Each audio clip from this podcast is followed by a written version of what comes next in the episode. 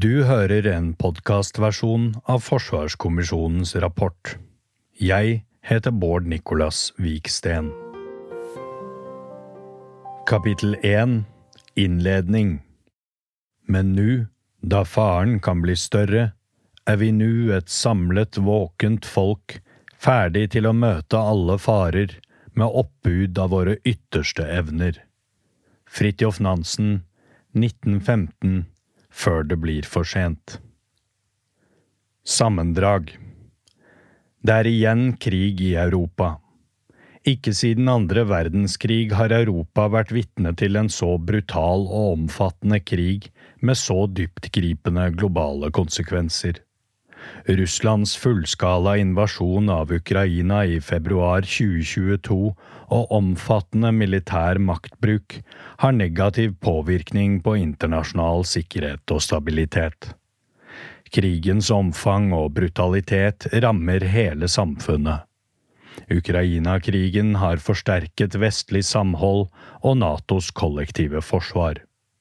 Krigen har vist at Europa er helt avhengig av den amerikanske sikkerhetsgarantien, fordi europeisk forsvarsevne er betydelig redusert siden 1990-tallet. Samtidig har USA i sine nye nasjonale sikkerhets- og forsvarsstrategier gjort det klart at Kina nå er førsteprioritet, mens Russland er nummer to. Denne utviklingen fordrer at europeiske stater må ta større ansvar for forsvar og sikkerhet i Europa. Forsvarskommisjonen ble utnevnt i desember 2021. Det ble da reist spørsmål ved hvorfor Norge skulle ha en forsvarskommisjon. Ingen har stilt spørsmål ved dette etter februar 2022. På tross av en alvorlig forverring av sikkerhetssituasjonen de senere årene, har norsk offentlighet i liten grad tatt inn over seg behovet for et sterkt og fremtidsrettet forsvar. Det er for sent å forberede seg på en eventuell krise eller krig når krisen eller krigen allerede er her. Kriser kommer i tillegg oftere og rammer stadig nærmere og dypere enn før. Tiden for handling er nå.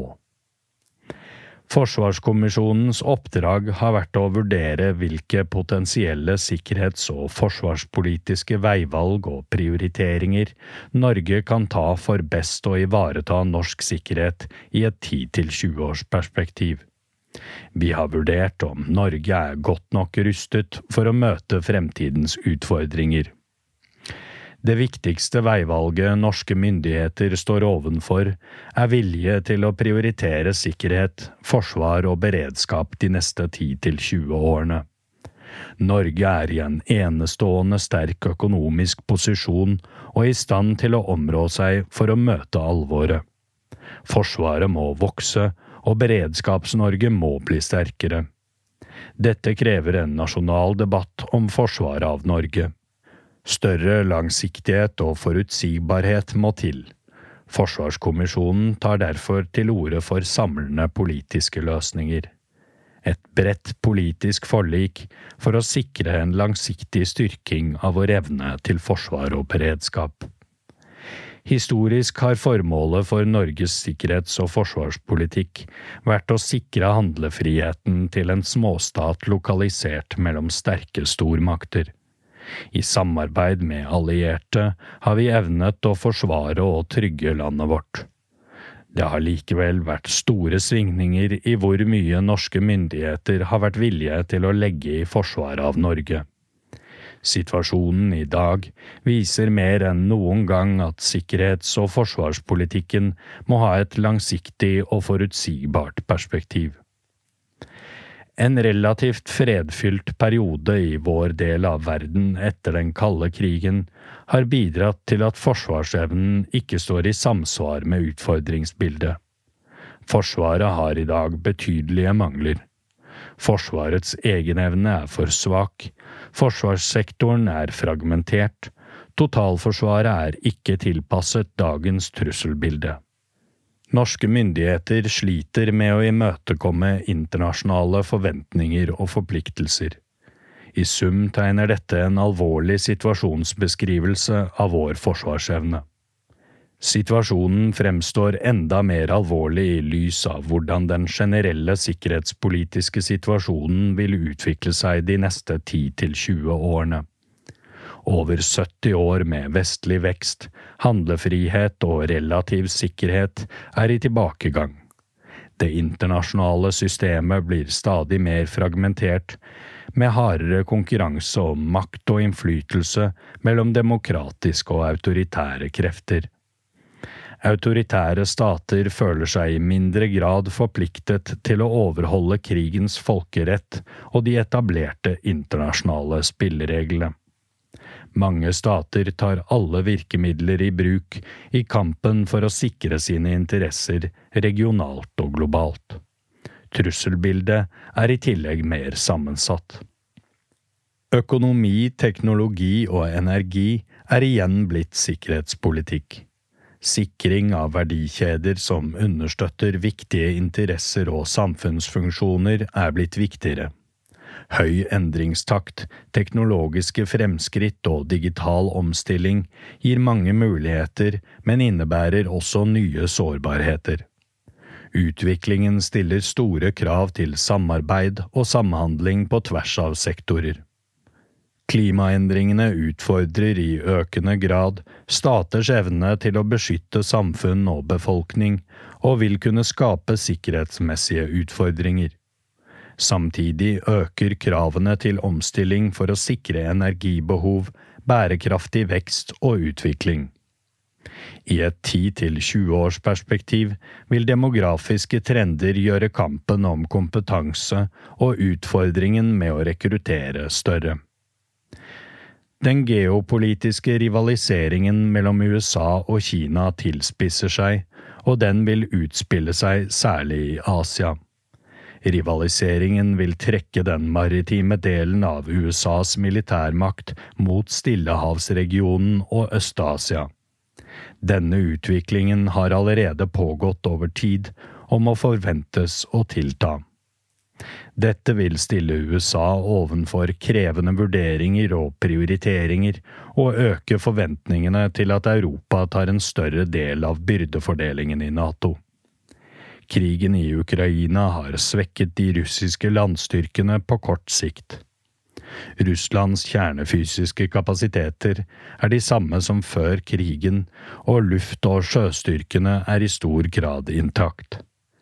Russland vil trolig søke å styrke sine mest moderne maritime militære kapasiteter i årene fremover. Deres hjemmebaser, kjernefysiske kapasiteter og primære operasjonsområder er svært tett på Norge. Norsk sikkerhet er derfor preget av et større alvor enn på lang tid. Utfordringene har akselerert, og usikkerheten for fremtiden er stor. Forrige forsvarskommisjon ble nedsatt av det todelte maktforholdet mellom USA og Sovjetunionen under den kalde krigen tok slutt. Denne forsvarskommisjonen har arbeidet i starten av en ny tid, der det internasjonale systemet knaker i sammenføyningene. Norge er i utgangspunktet i en god posisjon for å møte de nye sikkerhetsutfordringene. Vi er lokalisert i en relativt fredelig del av verden og har et stabilt politisk styresett. Vi har en solid og teknologidrevet økonomi og tilgang på verdifulle naturressurser. En høyt utdannet befolkning som fortsatt har stor grad av tillit til myndighetene, er et vesentlig fortrinn. Vi er en del av et unikt euroatlantisk sikkerhetsfellesskap gjennom NATO. Vi samarbeider tett med EU og har forpliktende avtaler med en rekke land som fremmer sikkerhet og stabilitet. De siste årene har norske myndigheter styrket Forsvaret. Samordningen på tvers for å møte sammensatte trusler har blitt bedre.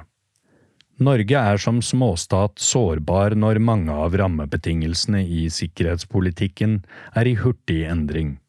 Et bredere og mer komplekst utfordringsbilde vil sette vår evne til å forsvare oss på prøve. Det er behov for en tydeligere beskrivelse av Norges strategiske interesser, og av hva myndighetene bør prioritere for å verne om disse. Vår forsvarsevne må styrkes. Det er dette denne rapporten handler om. Forsvarskommisjonen av 2021 mener tre grunnleggende erkjennelser må ligge til grunn for hvordan vi skal utforme politikk for å bedre vår evne til å forsvare Norge. For det første må norske myndigheter og befolkning ta inn over seg alvoret i situasjonen vi står i, og hvordan utviklingen i verden rundt oss vil kunne påvirke norsk sikkerhet negativt. For det andre må norske myndigheter handle. Det er behov for en omfattende satsing på sikkerhet, forsvar og beredskap. For det tredje må norske myndigheter erkjenne at utfordringene som møter oss vil stille krav til en mer helhetlig politikk. Forsvars- og sikkerhetspolitikken må utvikles på en måte som sikrer samvirke med våre allierte på tvers av militær og sivil sektor og internt i forsvarssektoren. Vår evne til å forebygge, avverge og håndtere krise og krig må styrkes, og det haster. En slik styrking vil kreve bred politisk enighet og vilje til å investere i det som er aller viktigst – vår fred og frihet.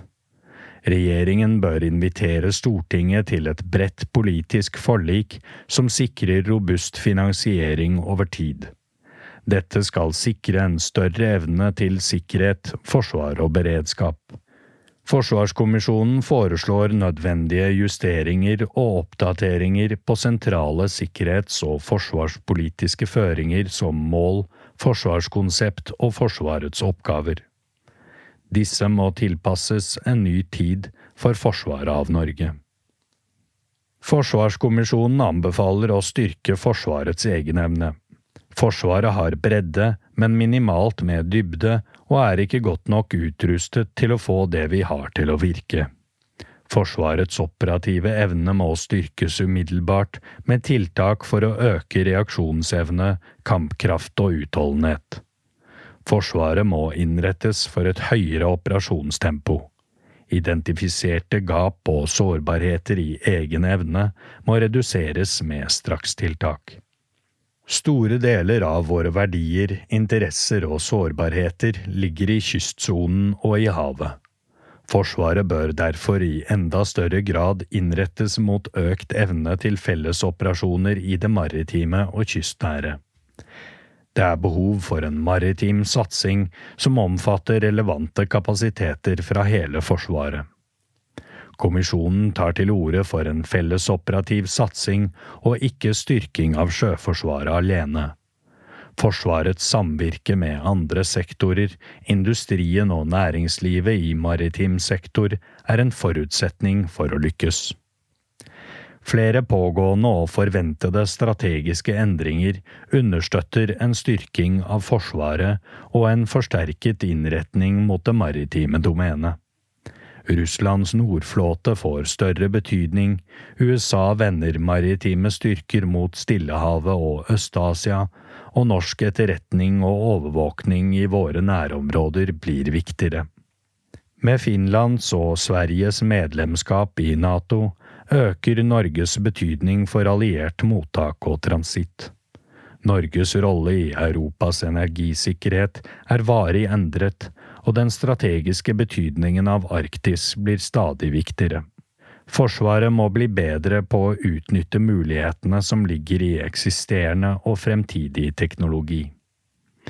I løpet av de neste tiårene vil revolusjonerende teknologiområder, såkalte brytningsteknologier, trolig slå igjennom. Dette har potensialet til å bedre enkeltmenneskers liv, våre samfunn og staters evne til å føre krig. På enkelte områder skjer denne utviklingen allerede svært hurtig, og konsekvensene er uforutsigbare. Utviklingen vil kunne kaste om på hvordan samfunnet og myndighetene må tenke rundt sårbarheter og forsvarsevne. Erkjennelsen av den høye endringstakten synes utilstrekkelig. Økt evne til å forstå og utnytte mulighetene som ligger i eksisterende og fremtidig teknologi, er avgjørende. Norge har særlige behov og fortrinn som gjør det nødvendig å satse nasjonalt på kunstig intelligens, ubemannede systemer og overvåkningsteknologi for det ytre rom. Dette må skje raskere og i nært partnerskap med industrien, næringslivet og nære allierte. Utover kritiske tiltak for å dekke gap, mangler og sårbarheter, og en maritim satsing, må den samlede forsvarsevnen styrkes. Dette innebærer at Forsvaret må bli større. Landstyrkenes evne til å holde territoriell kontroll er helt sentral for nasjonal politisk handlefrihet. Det er ubalanse mellom Forsvarets struktur og personellmessige og økonomiske ressurser. I fremtiden vil befolkningen eldes og konkurransen om kompetansen vil tilta. Forsvaret er avhengig av å rekruttere og beholde tilstrekkelig personell med riktig kompetanse. Forsvarskommisjonen mener det må iverksettes både umiddelbare og mer langsiktige tiltak for å sikre dette. Den eksisterende og voksende mangel på offiserer og spesialister er allerede en vesentlig utfordring. Forsvarets utdanningsorganisasjon må styrkes. I tillegg må det etter kommisjonens vurdering ses på en forbedring av eksisterende insentiver, herunder en forbedret familiepolitikk, og på hele utdannings- og rekrutteringssystemet, inklusive bruken av reservister. Vi må se på helt nye måter å utnytte samfunnets samlede kompetanse best mulig, sivilmilitært, offentlig-privat, nasjonalt og internasjonalt. Norge kan ikke forsvares av militære virkemidler alene i en tid der truslene blir mer komplekse og sammensatte. Landet vårt har mange ressurser, men disse må utnyttes mer og bedre. Samfunnets totale motstandskraft må forsterkes. Vår nasjonale sikkerhet settes på alvorlig prøve, og vi vil i fremtiden trolig stå i en situasjon der kriser av ulikt slag er den nye normalen. Vårt totalforsvar er tilpasset en tid der trusselen om krig på eget territorium har vært ansett som liten. Reaksjonsevnen og utholdenheten er for dårlig til å møte dagens og fremtidens utfordringer. Norske myndigheter må systematisere arbeidet med nasjonalt og alliert planverk, slik at sivil og militær side baserer seg på de samme planforutsetningene. Næringslivets rolle og ansvar for å bidra til å gjøre landet vårt tryggere blir viktigere. I et 10–20-årsperspektiv handler det om samfunnets totale ressursbruk og hvordan vi organiserer, styrer og leder militær og sivil beredskapsaktivitet. Forsvarsevne er avhengig av forsvarsvilje. Å styrke forsvaret av Norge vil kreve mye av oss alle. Det vil ikke kun handle om økonomi og våpenkapasiteter. En økt evne til forsvar er avhengig av økt bevissthet om trusselbildet og behovet for innsats hos befolkningen og myndighetene. Folk og samfunn må kjenne Forsvaret, og Forsvaret må kjenne sitt folk. Vi må styrke kompetansen om sikkerhet, forsvar og beredskap i hele befolkningen, blant annet gjennom en bedre utnyttelse av verneplikten og økt bruk av reservister som limet mellom forsvar og folk. Dette vil bidra til Forsvarets behov, men vil også kunne styrke andre nasjonale beredskapsaktører og totalforsvaret. Forsvarskommisjonen anbefaler at regjeringen utvikler en tydelig sikkerhets- og forsvarspolitisk strategi for alliert samvirke, basert på et prinsipp om gardering. Norge ligger i Europas periferi, men har mange allierte som er opptatt av stabilitet i vår region. Nato forblir hjørnesteinen for norsk sikkerhet, men dette bør suppleres med forsterket bilateralt, regionalt og multilateralt samarbeid. Vi bør fordype samarbeidet med våre viktigste allierte, som USA, Storbritannia og Tyskland, og landene i Norden. Vi bør videreutvikle samarbeidet med EU. Vi kan risikere at flere av våre allierte nå vender seg innover eller mot andre og større utfordringer. Det kan blant annet være Kina, en urolig flanke i Sør-Europa eller egne sikkerhetsutfordringer. Vi må derfor sørge for at Norge har flere ben å stå på. Vi må ta et medansvar for å forme og påvirke utviklingen av Nato, forholdet til Europa og til de nordiske landene. Finland ble Nato-medlem 4. april 2023. Sverige vil forhåpentligvis snart følge etter. Denne utvidelsen av Nato vil styrke alliansen og nordisk sikkerhet.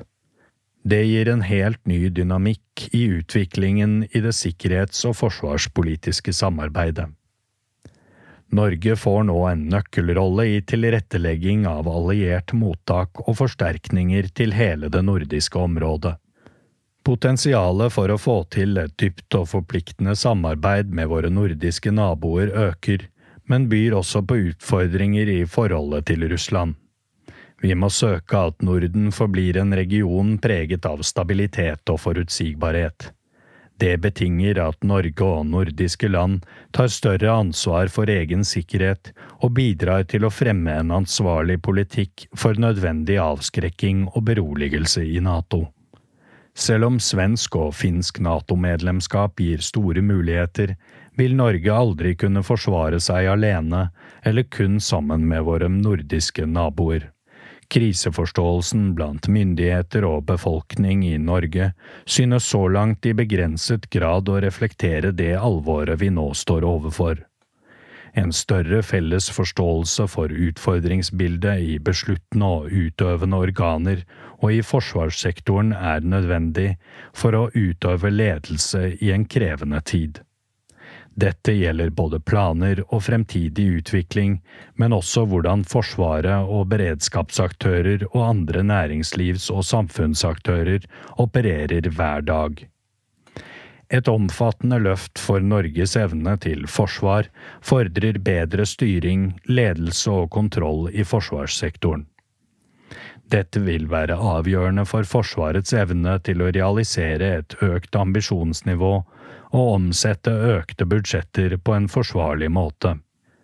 En helhetlig tilnærming til nasjonal sikkerhet og forsvar innebærer at vi må styrke evnen til å tenke strategisk, langsiktig og på tvers av sektorer i sikkerhets- og beredskapsarbeidet. Dette gjelder både i regjeringen, mellom departementene og i etatene. Forsvarskommisjonen mener at regjeringens evne til å lede i krisetid må styrkes. Regjeringen bør utforme en nasjonal sikkerhetsstrategi og styrke evnen til helhetlig politikkutforming med henblikk på å prioritere nasjonal sikkerhet på lang sikt. En oppfatning synes å være at det egentlig ikke haster så mye med å styrke Forsvaret nå. Vår dimensjonerende trussel Russland er svekket av Ukraina-krigen og har vist seg militært svakere enn mange trodde. I tillegg er Nato i dag sterkere og mer samlet enn på lenge, og norsk sikkerhet vil bli styrket gjennom finsk og svensk Nato-medlemskap. Et stykke på vei er dette riktig. Samtidig er usikkerheten og uforutsigbarheten større enn på svært lenge. Det er av flere grunner nødvendig å starte umiddelbart med en vesentlig styrking av norsk forsvarsevne. For det første har Ukraina-krigen synliggjort hvor avhengig Europa fortsatt er av amerikansk militærmakt, samtidig som USA i årene fremover vil bli stadig mer opptatt av Kina.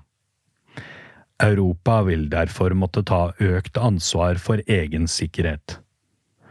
For det andre er det stor risiko for at Russland vil bygge opp igjen sin militære slagkraft etter Ukraina-krigen. I årene fremover vil Russland fremstå som en brutalisert og ydmyket stat, og en farlig nabo som vil kunne true Norge med militære og ikke-militære virkemidler. For det tredje vil det ta mange år å bygge opp igjen en forsvarlig norsk forsvarsevne. Det er kommisjonens vurdering at norsk politikk ikke reflekterer alvoret i den nye sikkerhetssituasjonen. Det skjer ikke nok, og det går ikke raskt nok. Dagens norske forsvar er fortsatt lite og sårbart, sektoren er fragmentert, totalforsvaret moderniseres for sakte, og Norge sliter med å imøtekomme sine internasjonale forpliktelser. Etterslepet på investeringer og drift i Forsvaret og forsvarssektoren er alvorlig. Det tar tid å øke volum og kvalitet, og rekruttere og trene opp nødvendig personell. Investering i nasjonal sikkerhet er en forsikringspremie.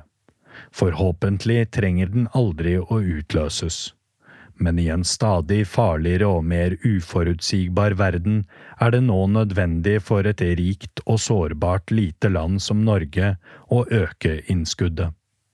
Forsvarskommisjonen av 2021 ser et meget alvorlig utfordringsbilde for norsk sikkerhets- og forsvarspolitikk de neste 10–20 årene. Vår evne til å forsvare Norge og norske interesser kan bli satt på alvorlig prøve. Forsvarskommisjonen fremsetter derfor en rekke konkrete anbefalinger og tiltak. Nå handler det om viljen til å prioritere den grunnleggende oppgaven det er å forsvare vårt land, vårt folk, våre verdier og våre interesser. Oppdrag og arbeid Mandat Forsvarskommisjonen ble oppnevnt ved kongelig resolusjon 17.12.2021.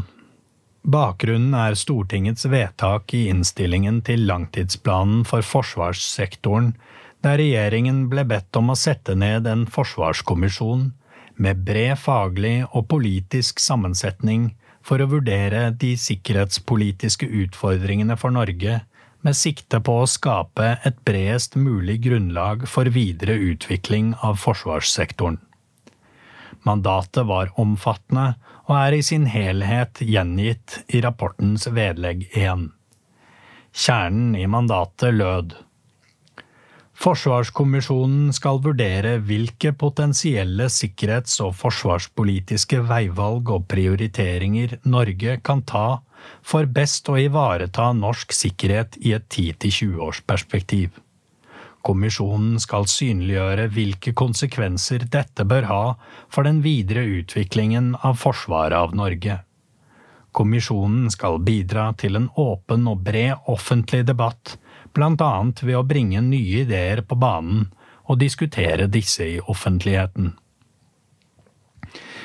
Videre ble det presisert at Forsvarskommisjonens arbeid og sluttprodukt skal innrettes slik at det bidrar til grunnlaget for neste langtidsplan for forsvarssektoren. Regjeringen ønsker spesielt at kommisjonen ser på følgende spørsmål. 1. Hva betyr utviklingen i sikkerhetssituasjonen for hvilke sikkerhets- og forsvarspolitiske veivalg Norge står overfor på mellomlang og lang sikt? 2. Hvordan bør Forsvaret og forsvarssektoren på overordnet nivå videreutvikles og organiseres for å ivareta norske sikkerhetsinteresser? 3. Hva er sammenhengen mellom sammensatte trusler og andre sikkerhetspolitiske og militærstrategiske utviklingstrekk. Fire. Hvordan kan forsvarssektoren best bidra til vern om Norges sikkerhet i lys av at utfordringsbildet treffer bredere på flere samfunnsområder og berører stadig flere sektorer samtidig? Fem. Hvilke muligheter og utfordringer representerer den teknologiske utviklingen for Norges sikkerhet og for utvikling av forsvarssektoren, herunder sektorens samhandling med sivile sektorer i rammen av totalforsvaret? 6. Hvordan vil bærekraftsmål og klima- og miljøendringer påvirke forsvarssektoren og den sikkerhetspolitiske situasjonen i årene fremover? Og syv hvilke mekanismer, kapabiliteter og roller må prioriteres i forsvarssektoren for bedre å forstå, motvirke og forsvare nasjonale sikkerhetsinteresser mot et bredere utfordringsbilde, og hva kan prioriteres ned for å gi rom for dette? Tolkning av mandatet Forsvarskommisjonen besluttet å avgrense oppdraget ytterligere for å kunne fremme sine vurderinger og anbefalinger innen tidsfristen 3. mai 2023. Kommisjonen har hatt begrenset tid til rådighet for å svare på et såpass omfattende mandat. Vi har vært opptatt av å innrette rapporten ut fra en helhetlig vurdering av hva sikkerhets- og forsvarspolitikken skal tjene over tid, og hvilke interesser og verdier som bør forsvares. Først ved å definere hva som er viktig å forsvare, kan vi også vurdere hvordan ytre utviklingstrekk vil påvirke norsk sikkerhet og handlingsrom. I tillegg må Norges fortrinn og sårbarheter vurderes. Med dette grunnlaget kunne kommisjonen identifisere og drøfte langsiktige veivalg og prioriteringer for forsvaret av Norge. Denne helhetlige vurderingen har gjort det mulig å behandle, på overordnet nivå, konsekvenser for henholdsvis forsvaret av Norge, forsvarssektoren og Forsvaret. Det er på bakgrunn av denne oppbygningen at kommisjonen har utledet sine råd og anbefalinger.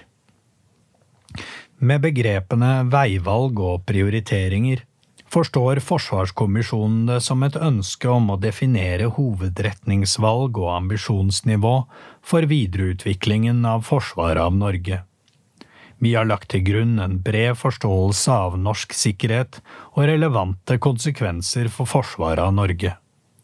Dette er ikke bare knyttet til etaten Forsvaret eller forsvarssektoren, og er i samsvar med mandatets konsekvente bruk av begrepene Norges sikkerhet og forsvaret av Norge. Vedlegg fire forklarer sentrale begreper som Forsvarskommisjonen anvender i rapporten. Med forsvaret av Norge bygger kommisjonen videre på begrepsforståelsen i langtidsplanen for forsvarssektoren av 2020. Der fremgår det at forsvaret av Norge er en pågående og kontinuerlig innsats som angår hele landet, i fred, krise og krig. Forsvaret og andre beredskapsaktører og myndigheter er primære aktører, men befolkningen, næringslivet og hele samfunnet har betydning for innsatsen. Noen av vurderingene og anbefalingene i denne rapporten vil derfor berøre også andre myndigheter som har en rolle i norsk sikkerhet. Dette er særlig relevant for vurderingen av sivil-militært samarbeid og hvordan norske myndigheter best kan oppdage, forebygge og håndtere sammensatte trusler, samt regjeringens evne til planlegging og håndtering av sikkerhet og beredskap. Forsvaret av Norge er et oppdrag som berører nær sagt alle sektorer og samfunnet for øvrig. Derfor trenger Norge et forsvar for å ivareta det grunnleggende og tidløse ansvaret det er å skape sikkerhet for staten, befolkningen og samfunnet, og beskytte og fremme våre verdier og interesser. Forsvaret av Norge har vært basert på noen varige elementer i over 100 år.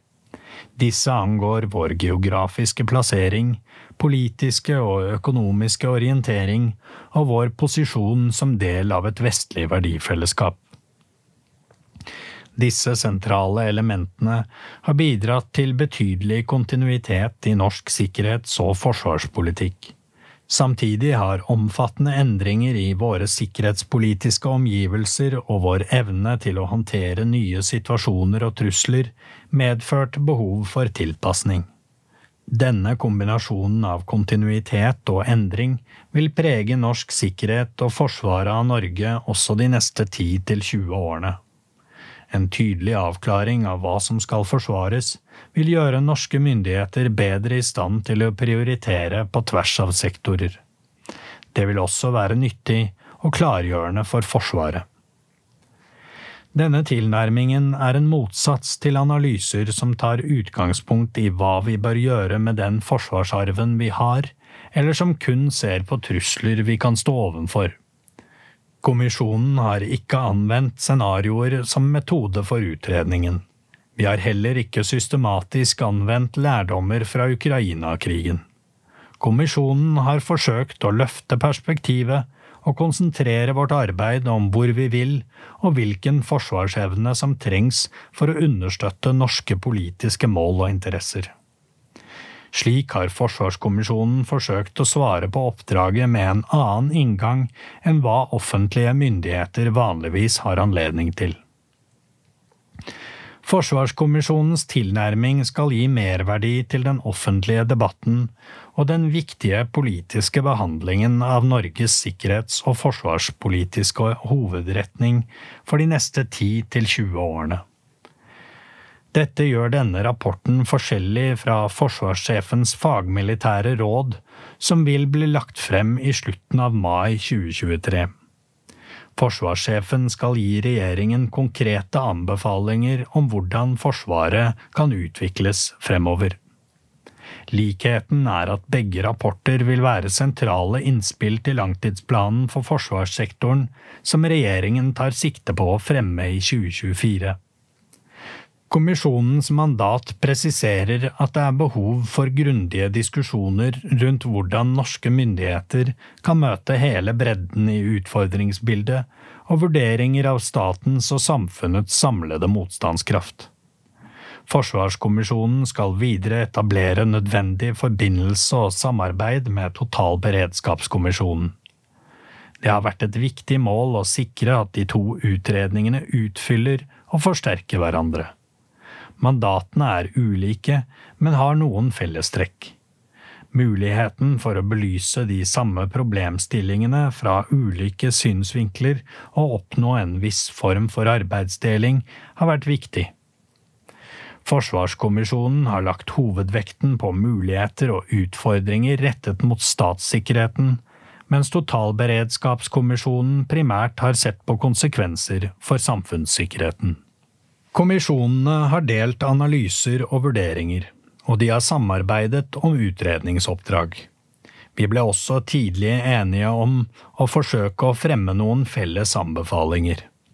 Kommisjonene har avholdt to felles møter og det har vært tett samarbeid mellom kommisjonenes ledelse og sekretariat.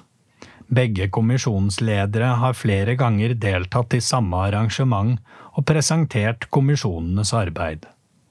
Forsvarskommisjonen har lagt vekt på å identifisere relevante og gjennomførbare veivalg og prioriteringer.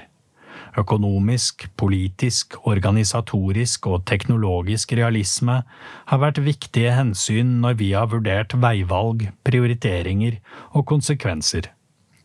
Forsvarskommisjonen har fått støtte fra Forsvarsdepartementet og Forsvarets forskningsinstitutt i kostnadsberegninger.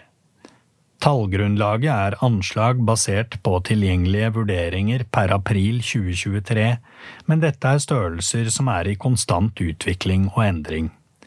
Usikkerheten rundt tallgrunnlaget øker jo lenger ut i tid tiltakene inntreffer. Kommisjonens fremstilling er derfor på et overordnet nivå, og peker på eksempler og utviklingsmuligheter for styrking av forsvarsevnen. En annen viktig avgrensning i Forsvarskommisjonens mandat er tidsperspektivet. Kommisjonen er bedt om å mene noe om norsk sikkerhet i et 10–20-årsperspektiv. Det er vanskelig å spå og mene noe sikkert om fremtiden. Alle som mener noe om fremtiden, gjør det med stor risiko for å ta feil. I en tid med stor usikkerhet, komplekse sammenhenger og høy endringstakt øker denne risikoen. Forsvarskommisjonen har lagt denne usikkerheten til grunn for vårt arbeid. Sikkerhets- og forsvarspolitiske veivalg og prioriteringer er naturlig å vurdere ut fra et 20-årsperspektiv. Disse er holdt på et overordnet og prinsipielt nivå. Konsekvenser og anbefalinger om forsvarssektorens videre utvikling kan vurderes med en noe kortere tidshorisont. Disse er derfor vurdert i et tiårsperspektiv. På denne måten forsøker vi å redusere usikkerheten og samtidig gjøre rapporten mer presis og relevant. Sammensetning og arbeidsform Forsvarskommisjonen har bestått av 17 medlemmer. Regjeringen la til grunn at kommisjonen skulle være bredt sammensatt og bestå av mennesker med bakgrunn fra politikk, embetsverk, akademia og partene i arbeidslivet. Syv av kommisjonens medlemmer er oppnevnt etter forslag fra partiene som ved stortingsvalget i 2021 kom over sperregrensen. Forsvarskommisjonen har hatt følgende sammensetning. Forsvarskommisjonens leder har vært statsforvalter Knut Storberget Elverum. De øvrige medlemmene har vært som følger. Leder LO Stat Egil André Aas Jessheim. Fylkestingsrepresentant Synne Høyforslett Bjørbekk Bodø. Avdelingsdirektør Kristin Ven Brusgard Oslo. Administrerende direktør Christian Kramer Tromsø. Direktør Audun Halvorsen Bærum. Professor Sissel Haugdal Jorde Stavanger. Statsforvalter Liv Signe Navarsete Lærdal. Kommandørkaptein Espen Rasmussen Bergen. Student Benedikte Røvik Hamar. Regjeringsadvokat Fredrik Sejersted Oslo. Styremedlem Silvia Ceres Bærum fra desember 2021 til august 2022. Professor emeritus Rolf Tamnes, Oslo. Professor Øystein Turnsjø, Oslo. Administrerende direktør Ingvild Svines Tybring-Gjedde, Oslo. Beredskapsdirektør Tone Elisabeth Vangen, Bodø. Lærer Amy Brox Webber, Kirkenes. Kristin Ven Brusgard ble konstituert som nestleder ved oppstart. Forsvarsdepartementet opprettet et frittstående sekretariat for å tilrettelegge for Forsvarskommisjonens arbeid. Sekretariatet har holdt til i gamle krigsskolens lokaler i Tollbugata 10 i Oslo. Sekretariatet har bestått av følgende medarbeidere. Sekretariatets leder var avdelingsdirektør Nina Borgen. Øvrige medlemmer var nestleder fagleder Per Christian Overnkron, fagdirektør Gro Kolstad Mortvedt, seniorrådgiver Bård Nicolas Viksten, fagdirektør Kjetil Ski frem til august 2022, seniorrådgiver Bjørn Midthun fra august 2022, major Philip Matlari, fagdirektør Elin Solberg fra april 2022, Forskningssjef André Pettersen fra oktober 2022. Stabssersjant Fredrik Tamberg og rådgiver Lill Pia Degvold. Forsvarskommisjonen startet arbeidet 19.1.2022 og har hatt 24 samlinger, inkludert reiser. Vi har vekslet mellom digitale og fysiske møter, besøk og studiereiser. Samlingene i Norge har vært avholdt i Oslo og omegn, Innlandet, Troms og Finnmark, Nordland, Trøndelag og Bergen. Mange av samlingene har vi kombinert med besøk til avdelinger i Forsvaret og andre relevante fagmiljøer. Norske og utenlandske eksperter fra militære og sivile institusjoner, departementer, andre offentlige etater, interesseorganisasjoner og næringslivsaktører har delt kunnskap og presentert sine synspunkter for kommisjonen. Vi er blitt møtt med stor åpenhet, ærlighet og velvilje. Kommisjonen har gjennomført to studiereiser til utlandet, den ene i Europa og Norden, den andre til USA. Vi har besøkt Nato-hovedkvarteret og har snakket med sentrale medarbeidere i EU-institusjonene i Brussel. Vi har hatt møter med representanter fra Norge, allierte land og internasjonale organisasjoner og forskningsmiljøer. Vi har snakket med sivile og militære myndigheter i Washington DC, Berlin, London, Helsingfors og Stockholm. Forsvarskommisjonens ledelse og sekretariat har gjennomført en rekke møter med ulike offentlige og private virksomheter, organisasjoner og enkeltpersoner i hele perioden. En full oversikt over Forsvarskommisjonens møter og aktivitet finnes i rapportens vedlegg to. Rapportens vedlegg tre lister opp alle personer som Forsvarskommisjonen samlet eller enkeltpersoner har møtt.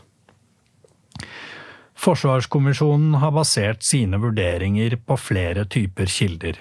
I tillegg til alle menneskene vi har snakket med, har vi ønsket å basere vurderingene våre på et bredest mulig informasjons- og kunnskapsgrunnlag.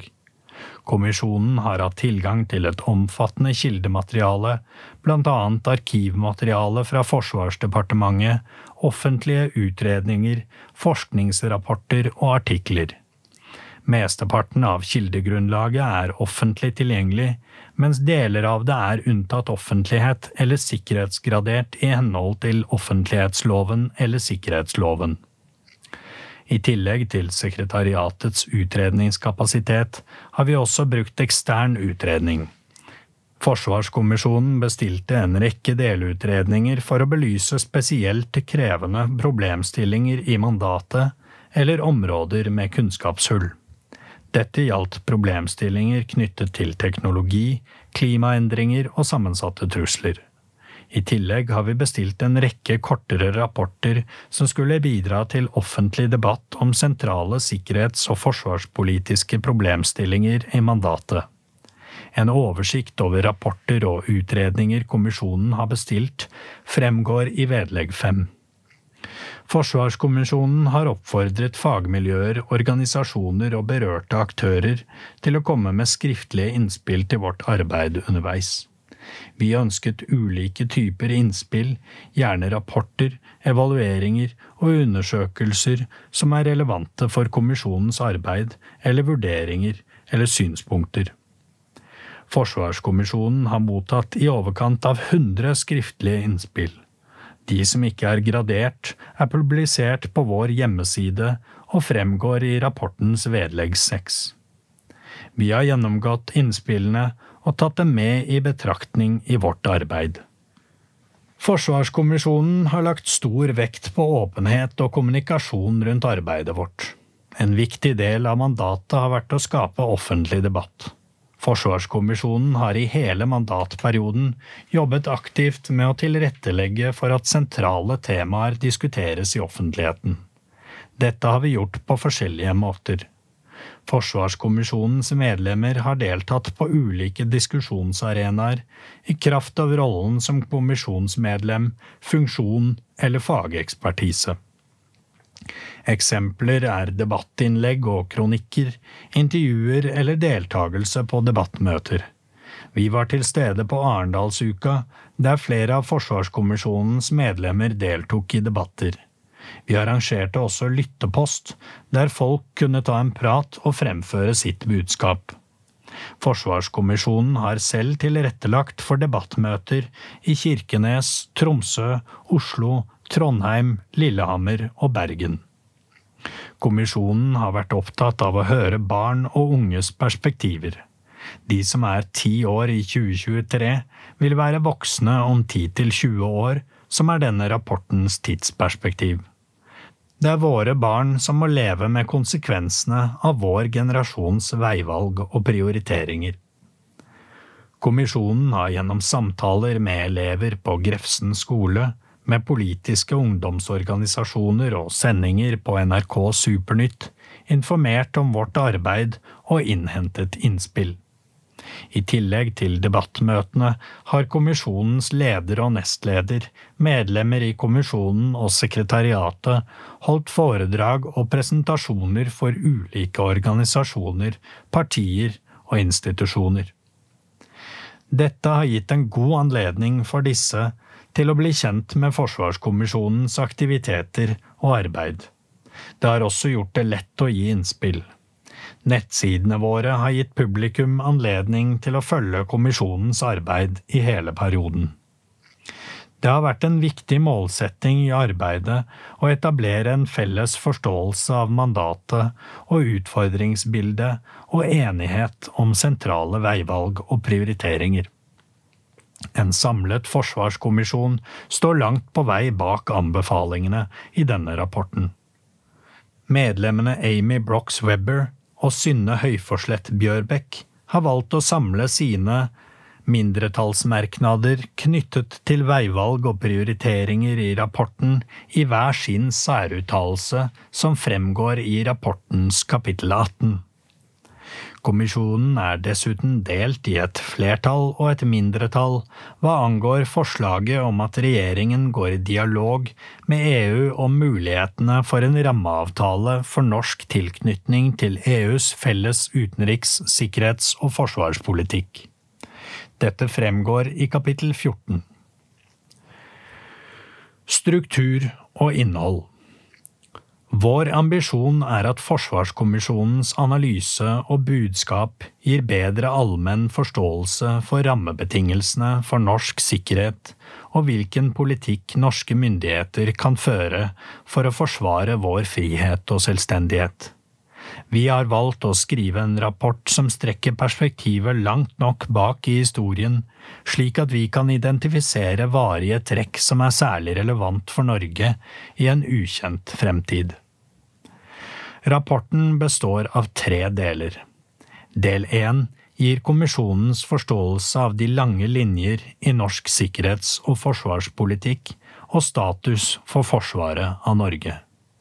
Del to ser på relevante utviklingstrekk som kan påvirke norsk sikkerhet de neste 10–20 årene. Dette omfatter internasjonale forhold, samfunnsmessige, demografiske, økonomiske, teknologiske og militærstrategiske trender og drivkrefter. Del tre drøfter hva som er viktig å forsvare, og hvordan forsvarsevnen kan styrkes for å møte den alvorlige sikkerhetssituasjonen. Kommisjonen foreslår å styrke forsvarsevnen gjennom Forsvaret, totalforsvaret, den allierte dimensjonen og nasjonale grep innen styring og ledelse. Her drøfter vi mulighetsrommet for norsk politikk, hvilket ambisjonsnivå norske myndigheter har for å styrke norsk sikkerhet, forsvar og beredskap, og hva det koster. Del fire konkluderer denne rapporten med hovedbudskap viktigste anbefalinger og to særuttalelser. Til slutt kommer relevante vedlegg. Dette er en podkastversjon av Forsvarskommisjonens rapport. Mindre avvik fra den endelige rapporten kan forekomme, og vi presenterer ikke grafikk, tabeller eller fotnoter. Hvis du vil ha den fulle opplevelsen, anbefaler vi deg å lese rapporten på regjeringens nettsider regjeringen.no. Da vil du også få med deg en rekke viktige grafer, figurer og illustrasjoner Forsvarskommisjonen har lagt mye arbeid i. Denne lydutgaven er ingen erstatning for den trykte rapporten, og det er kun den trykte rapporten som representerer Forsvarskommisjonens svar på regjeringens oppdrag. Denne podkasten er laget av Knut Storberget, Bård Nicolas Vik Steen, Kristine Hellesland, Fredrik Tamberg, Jørgen Lyngvær og Thomas Haraldsen.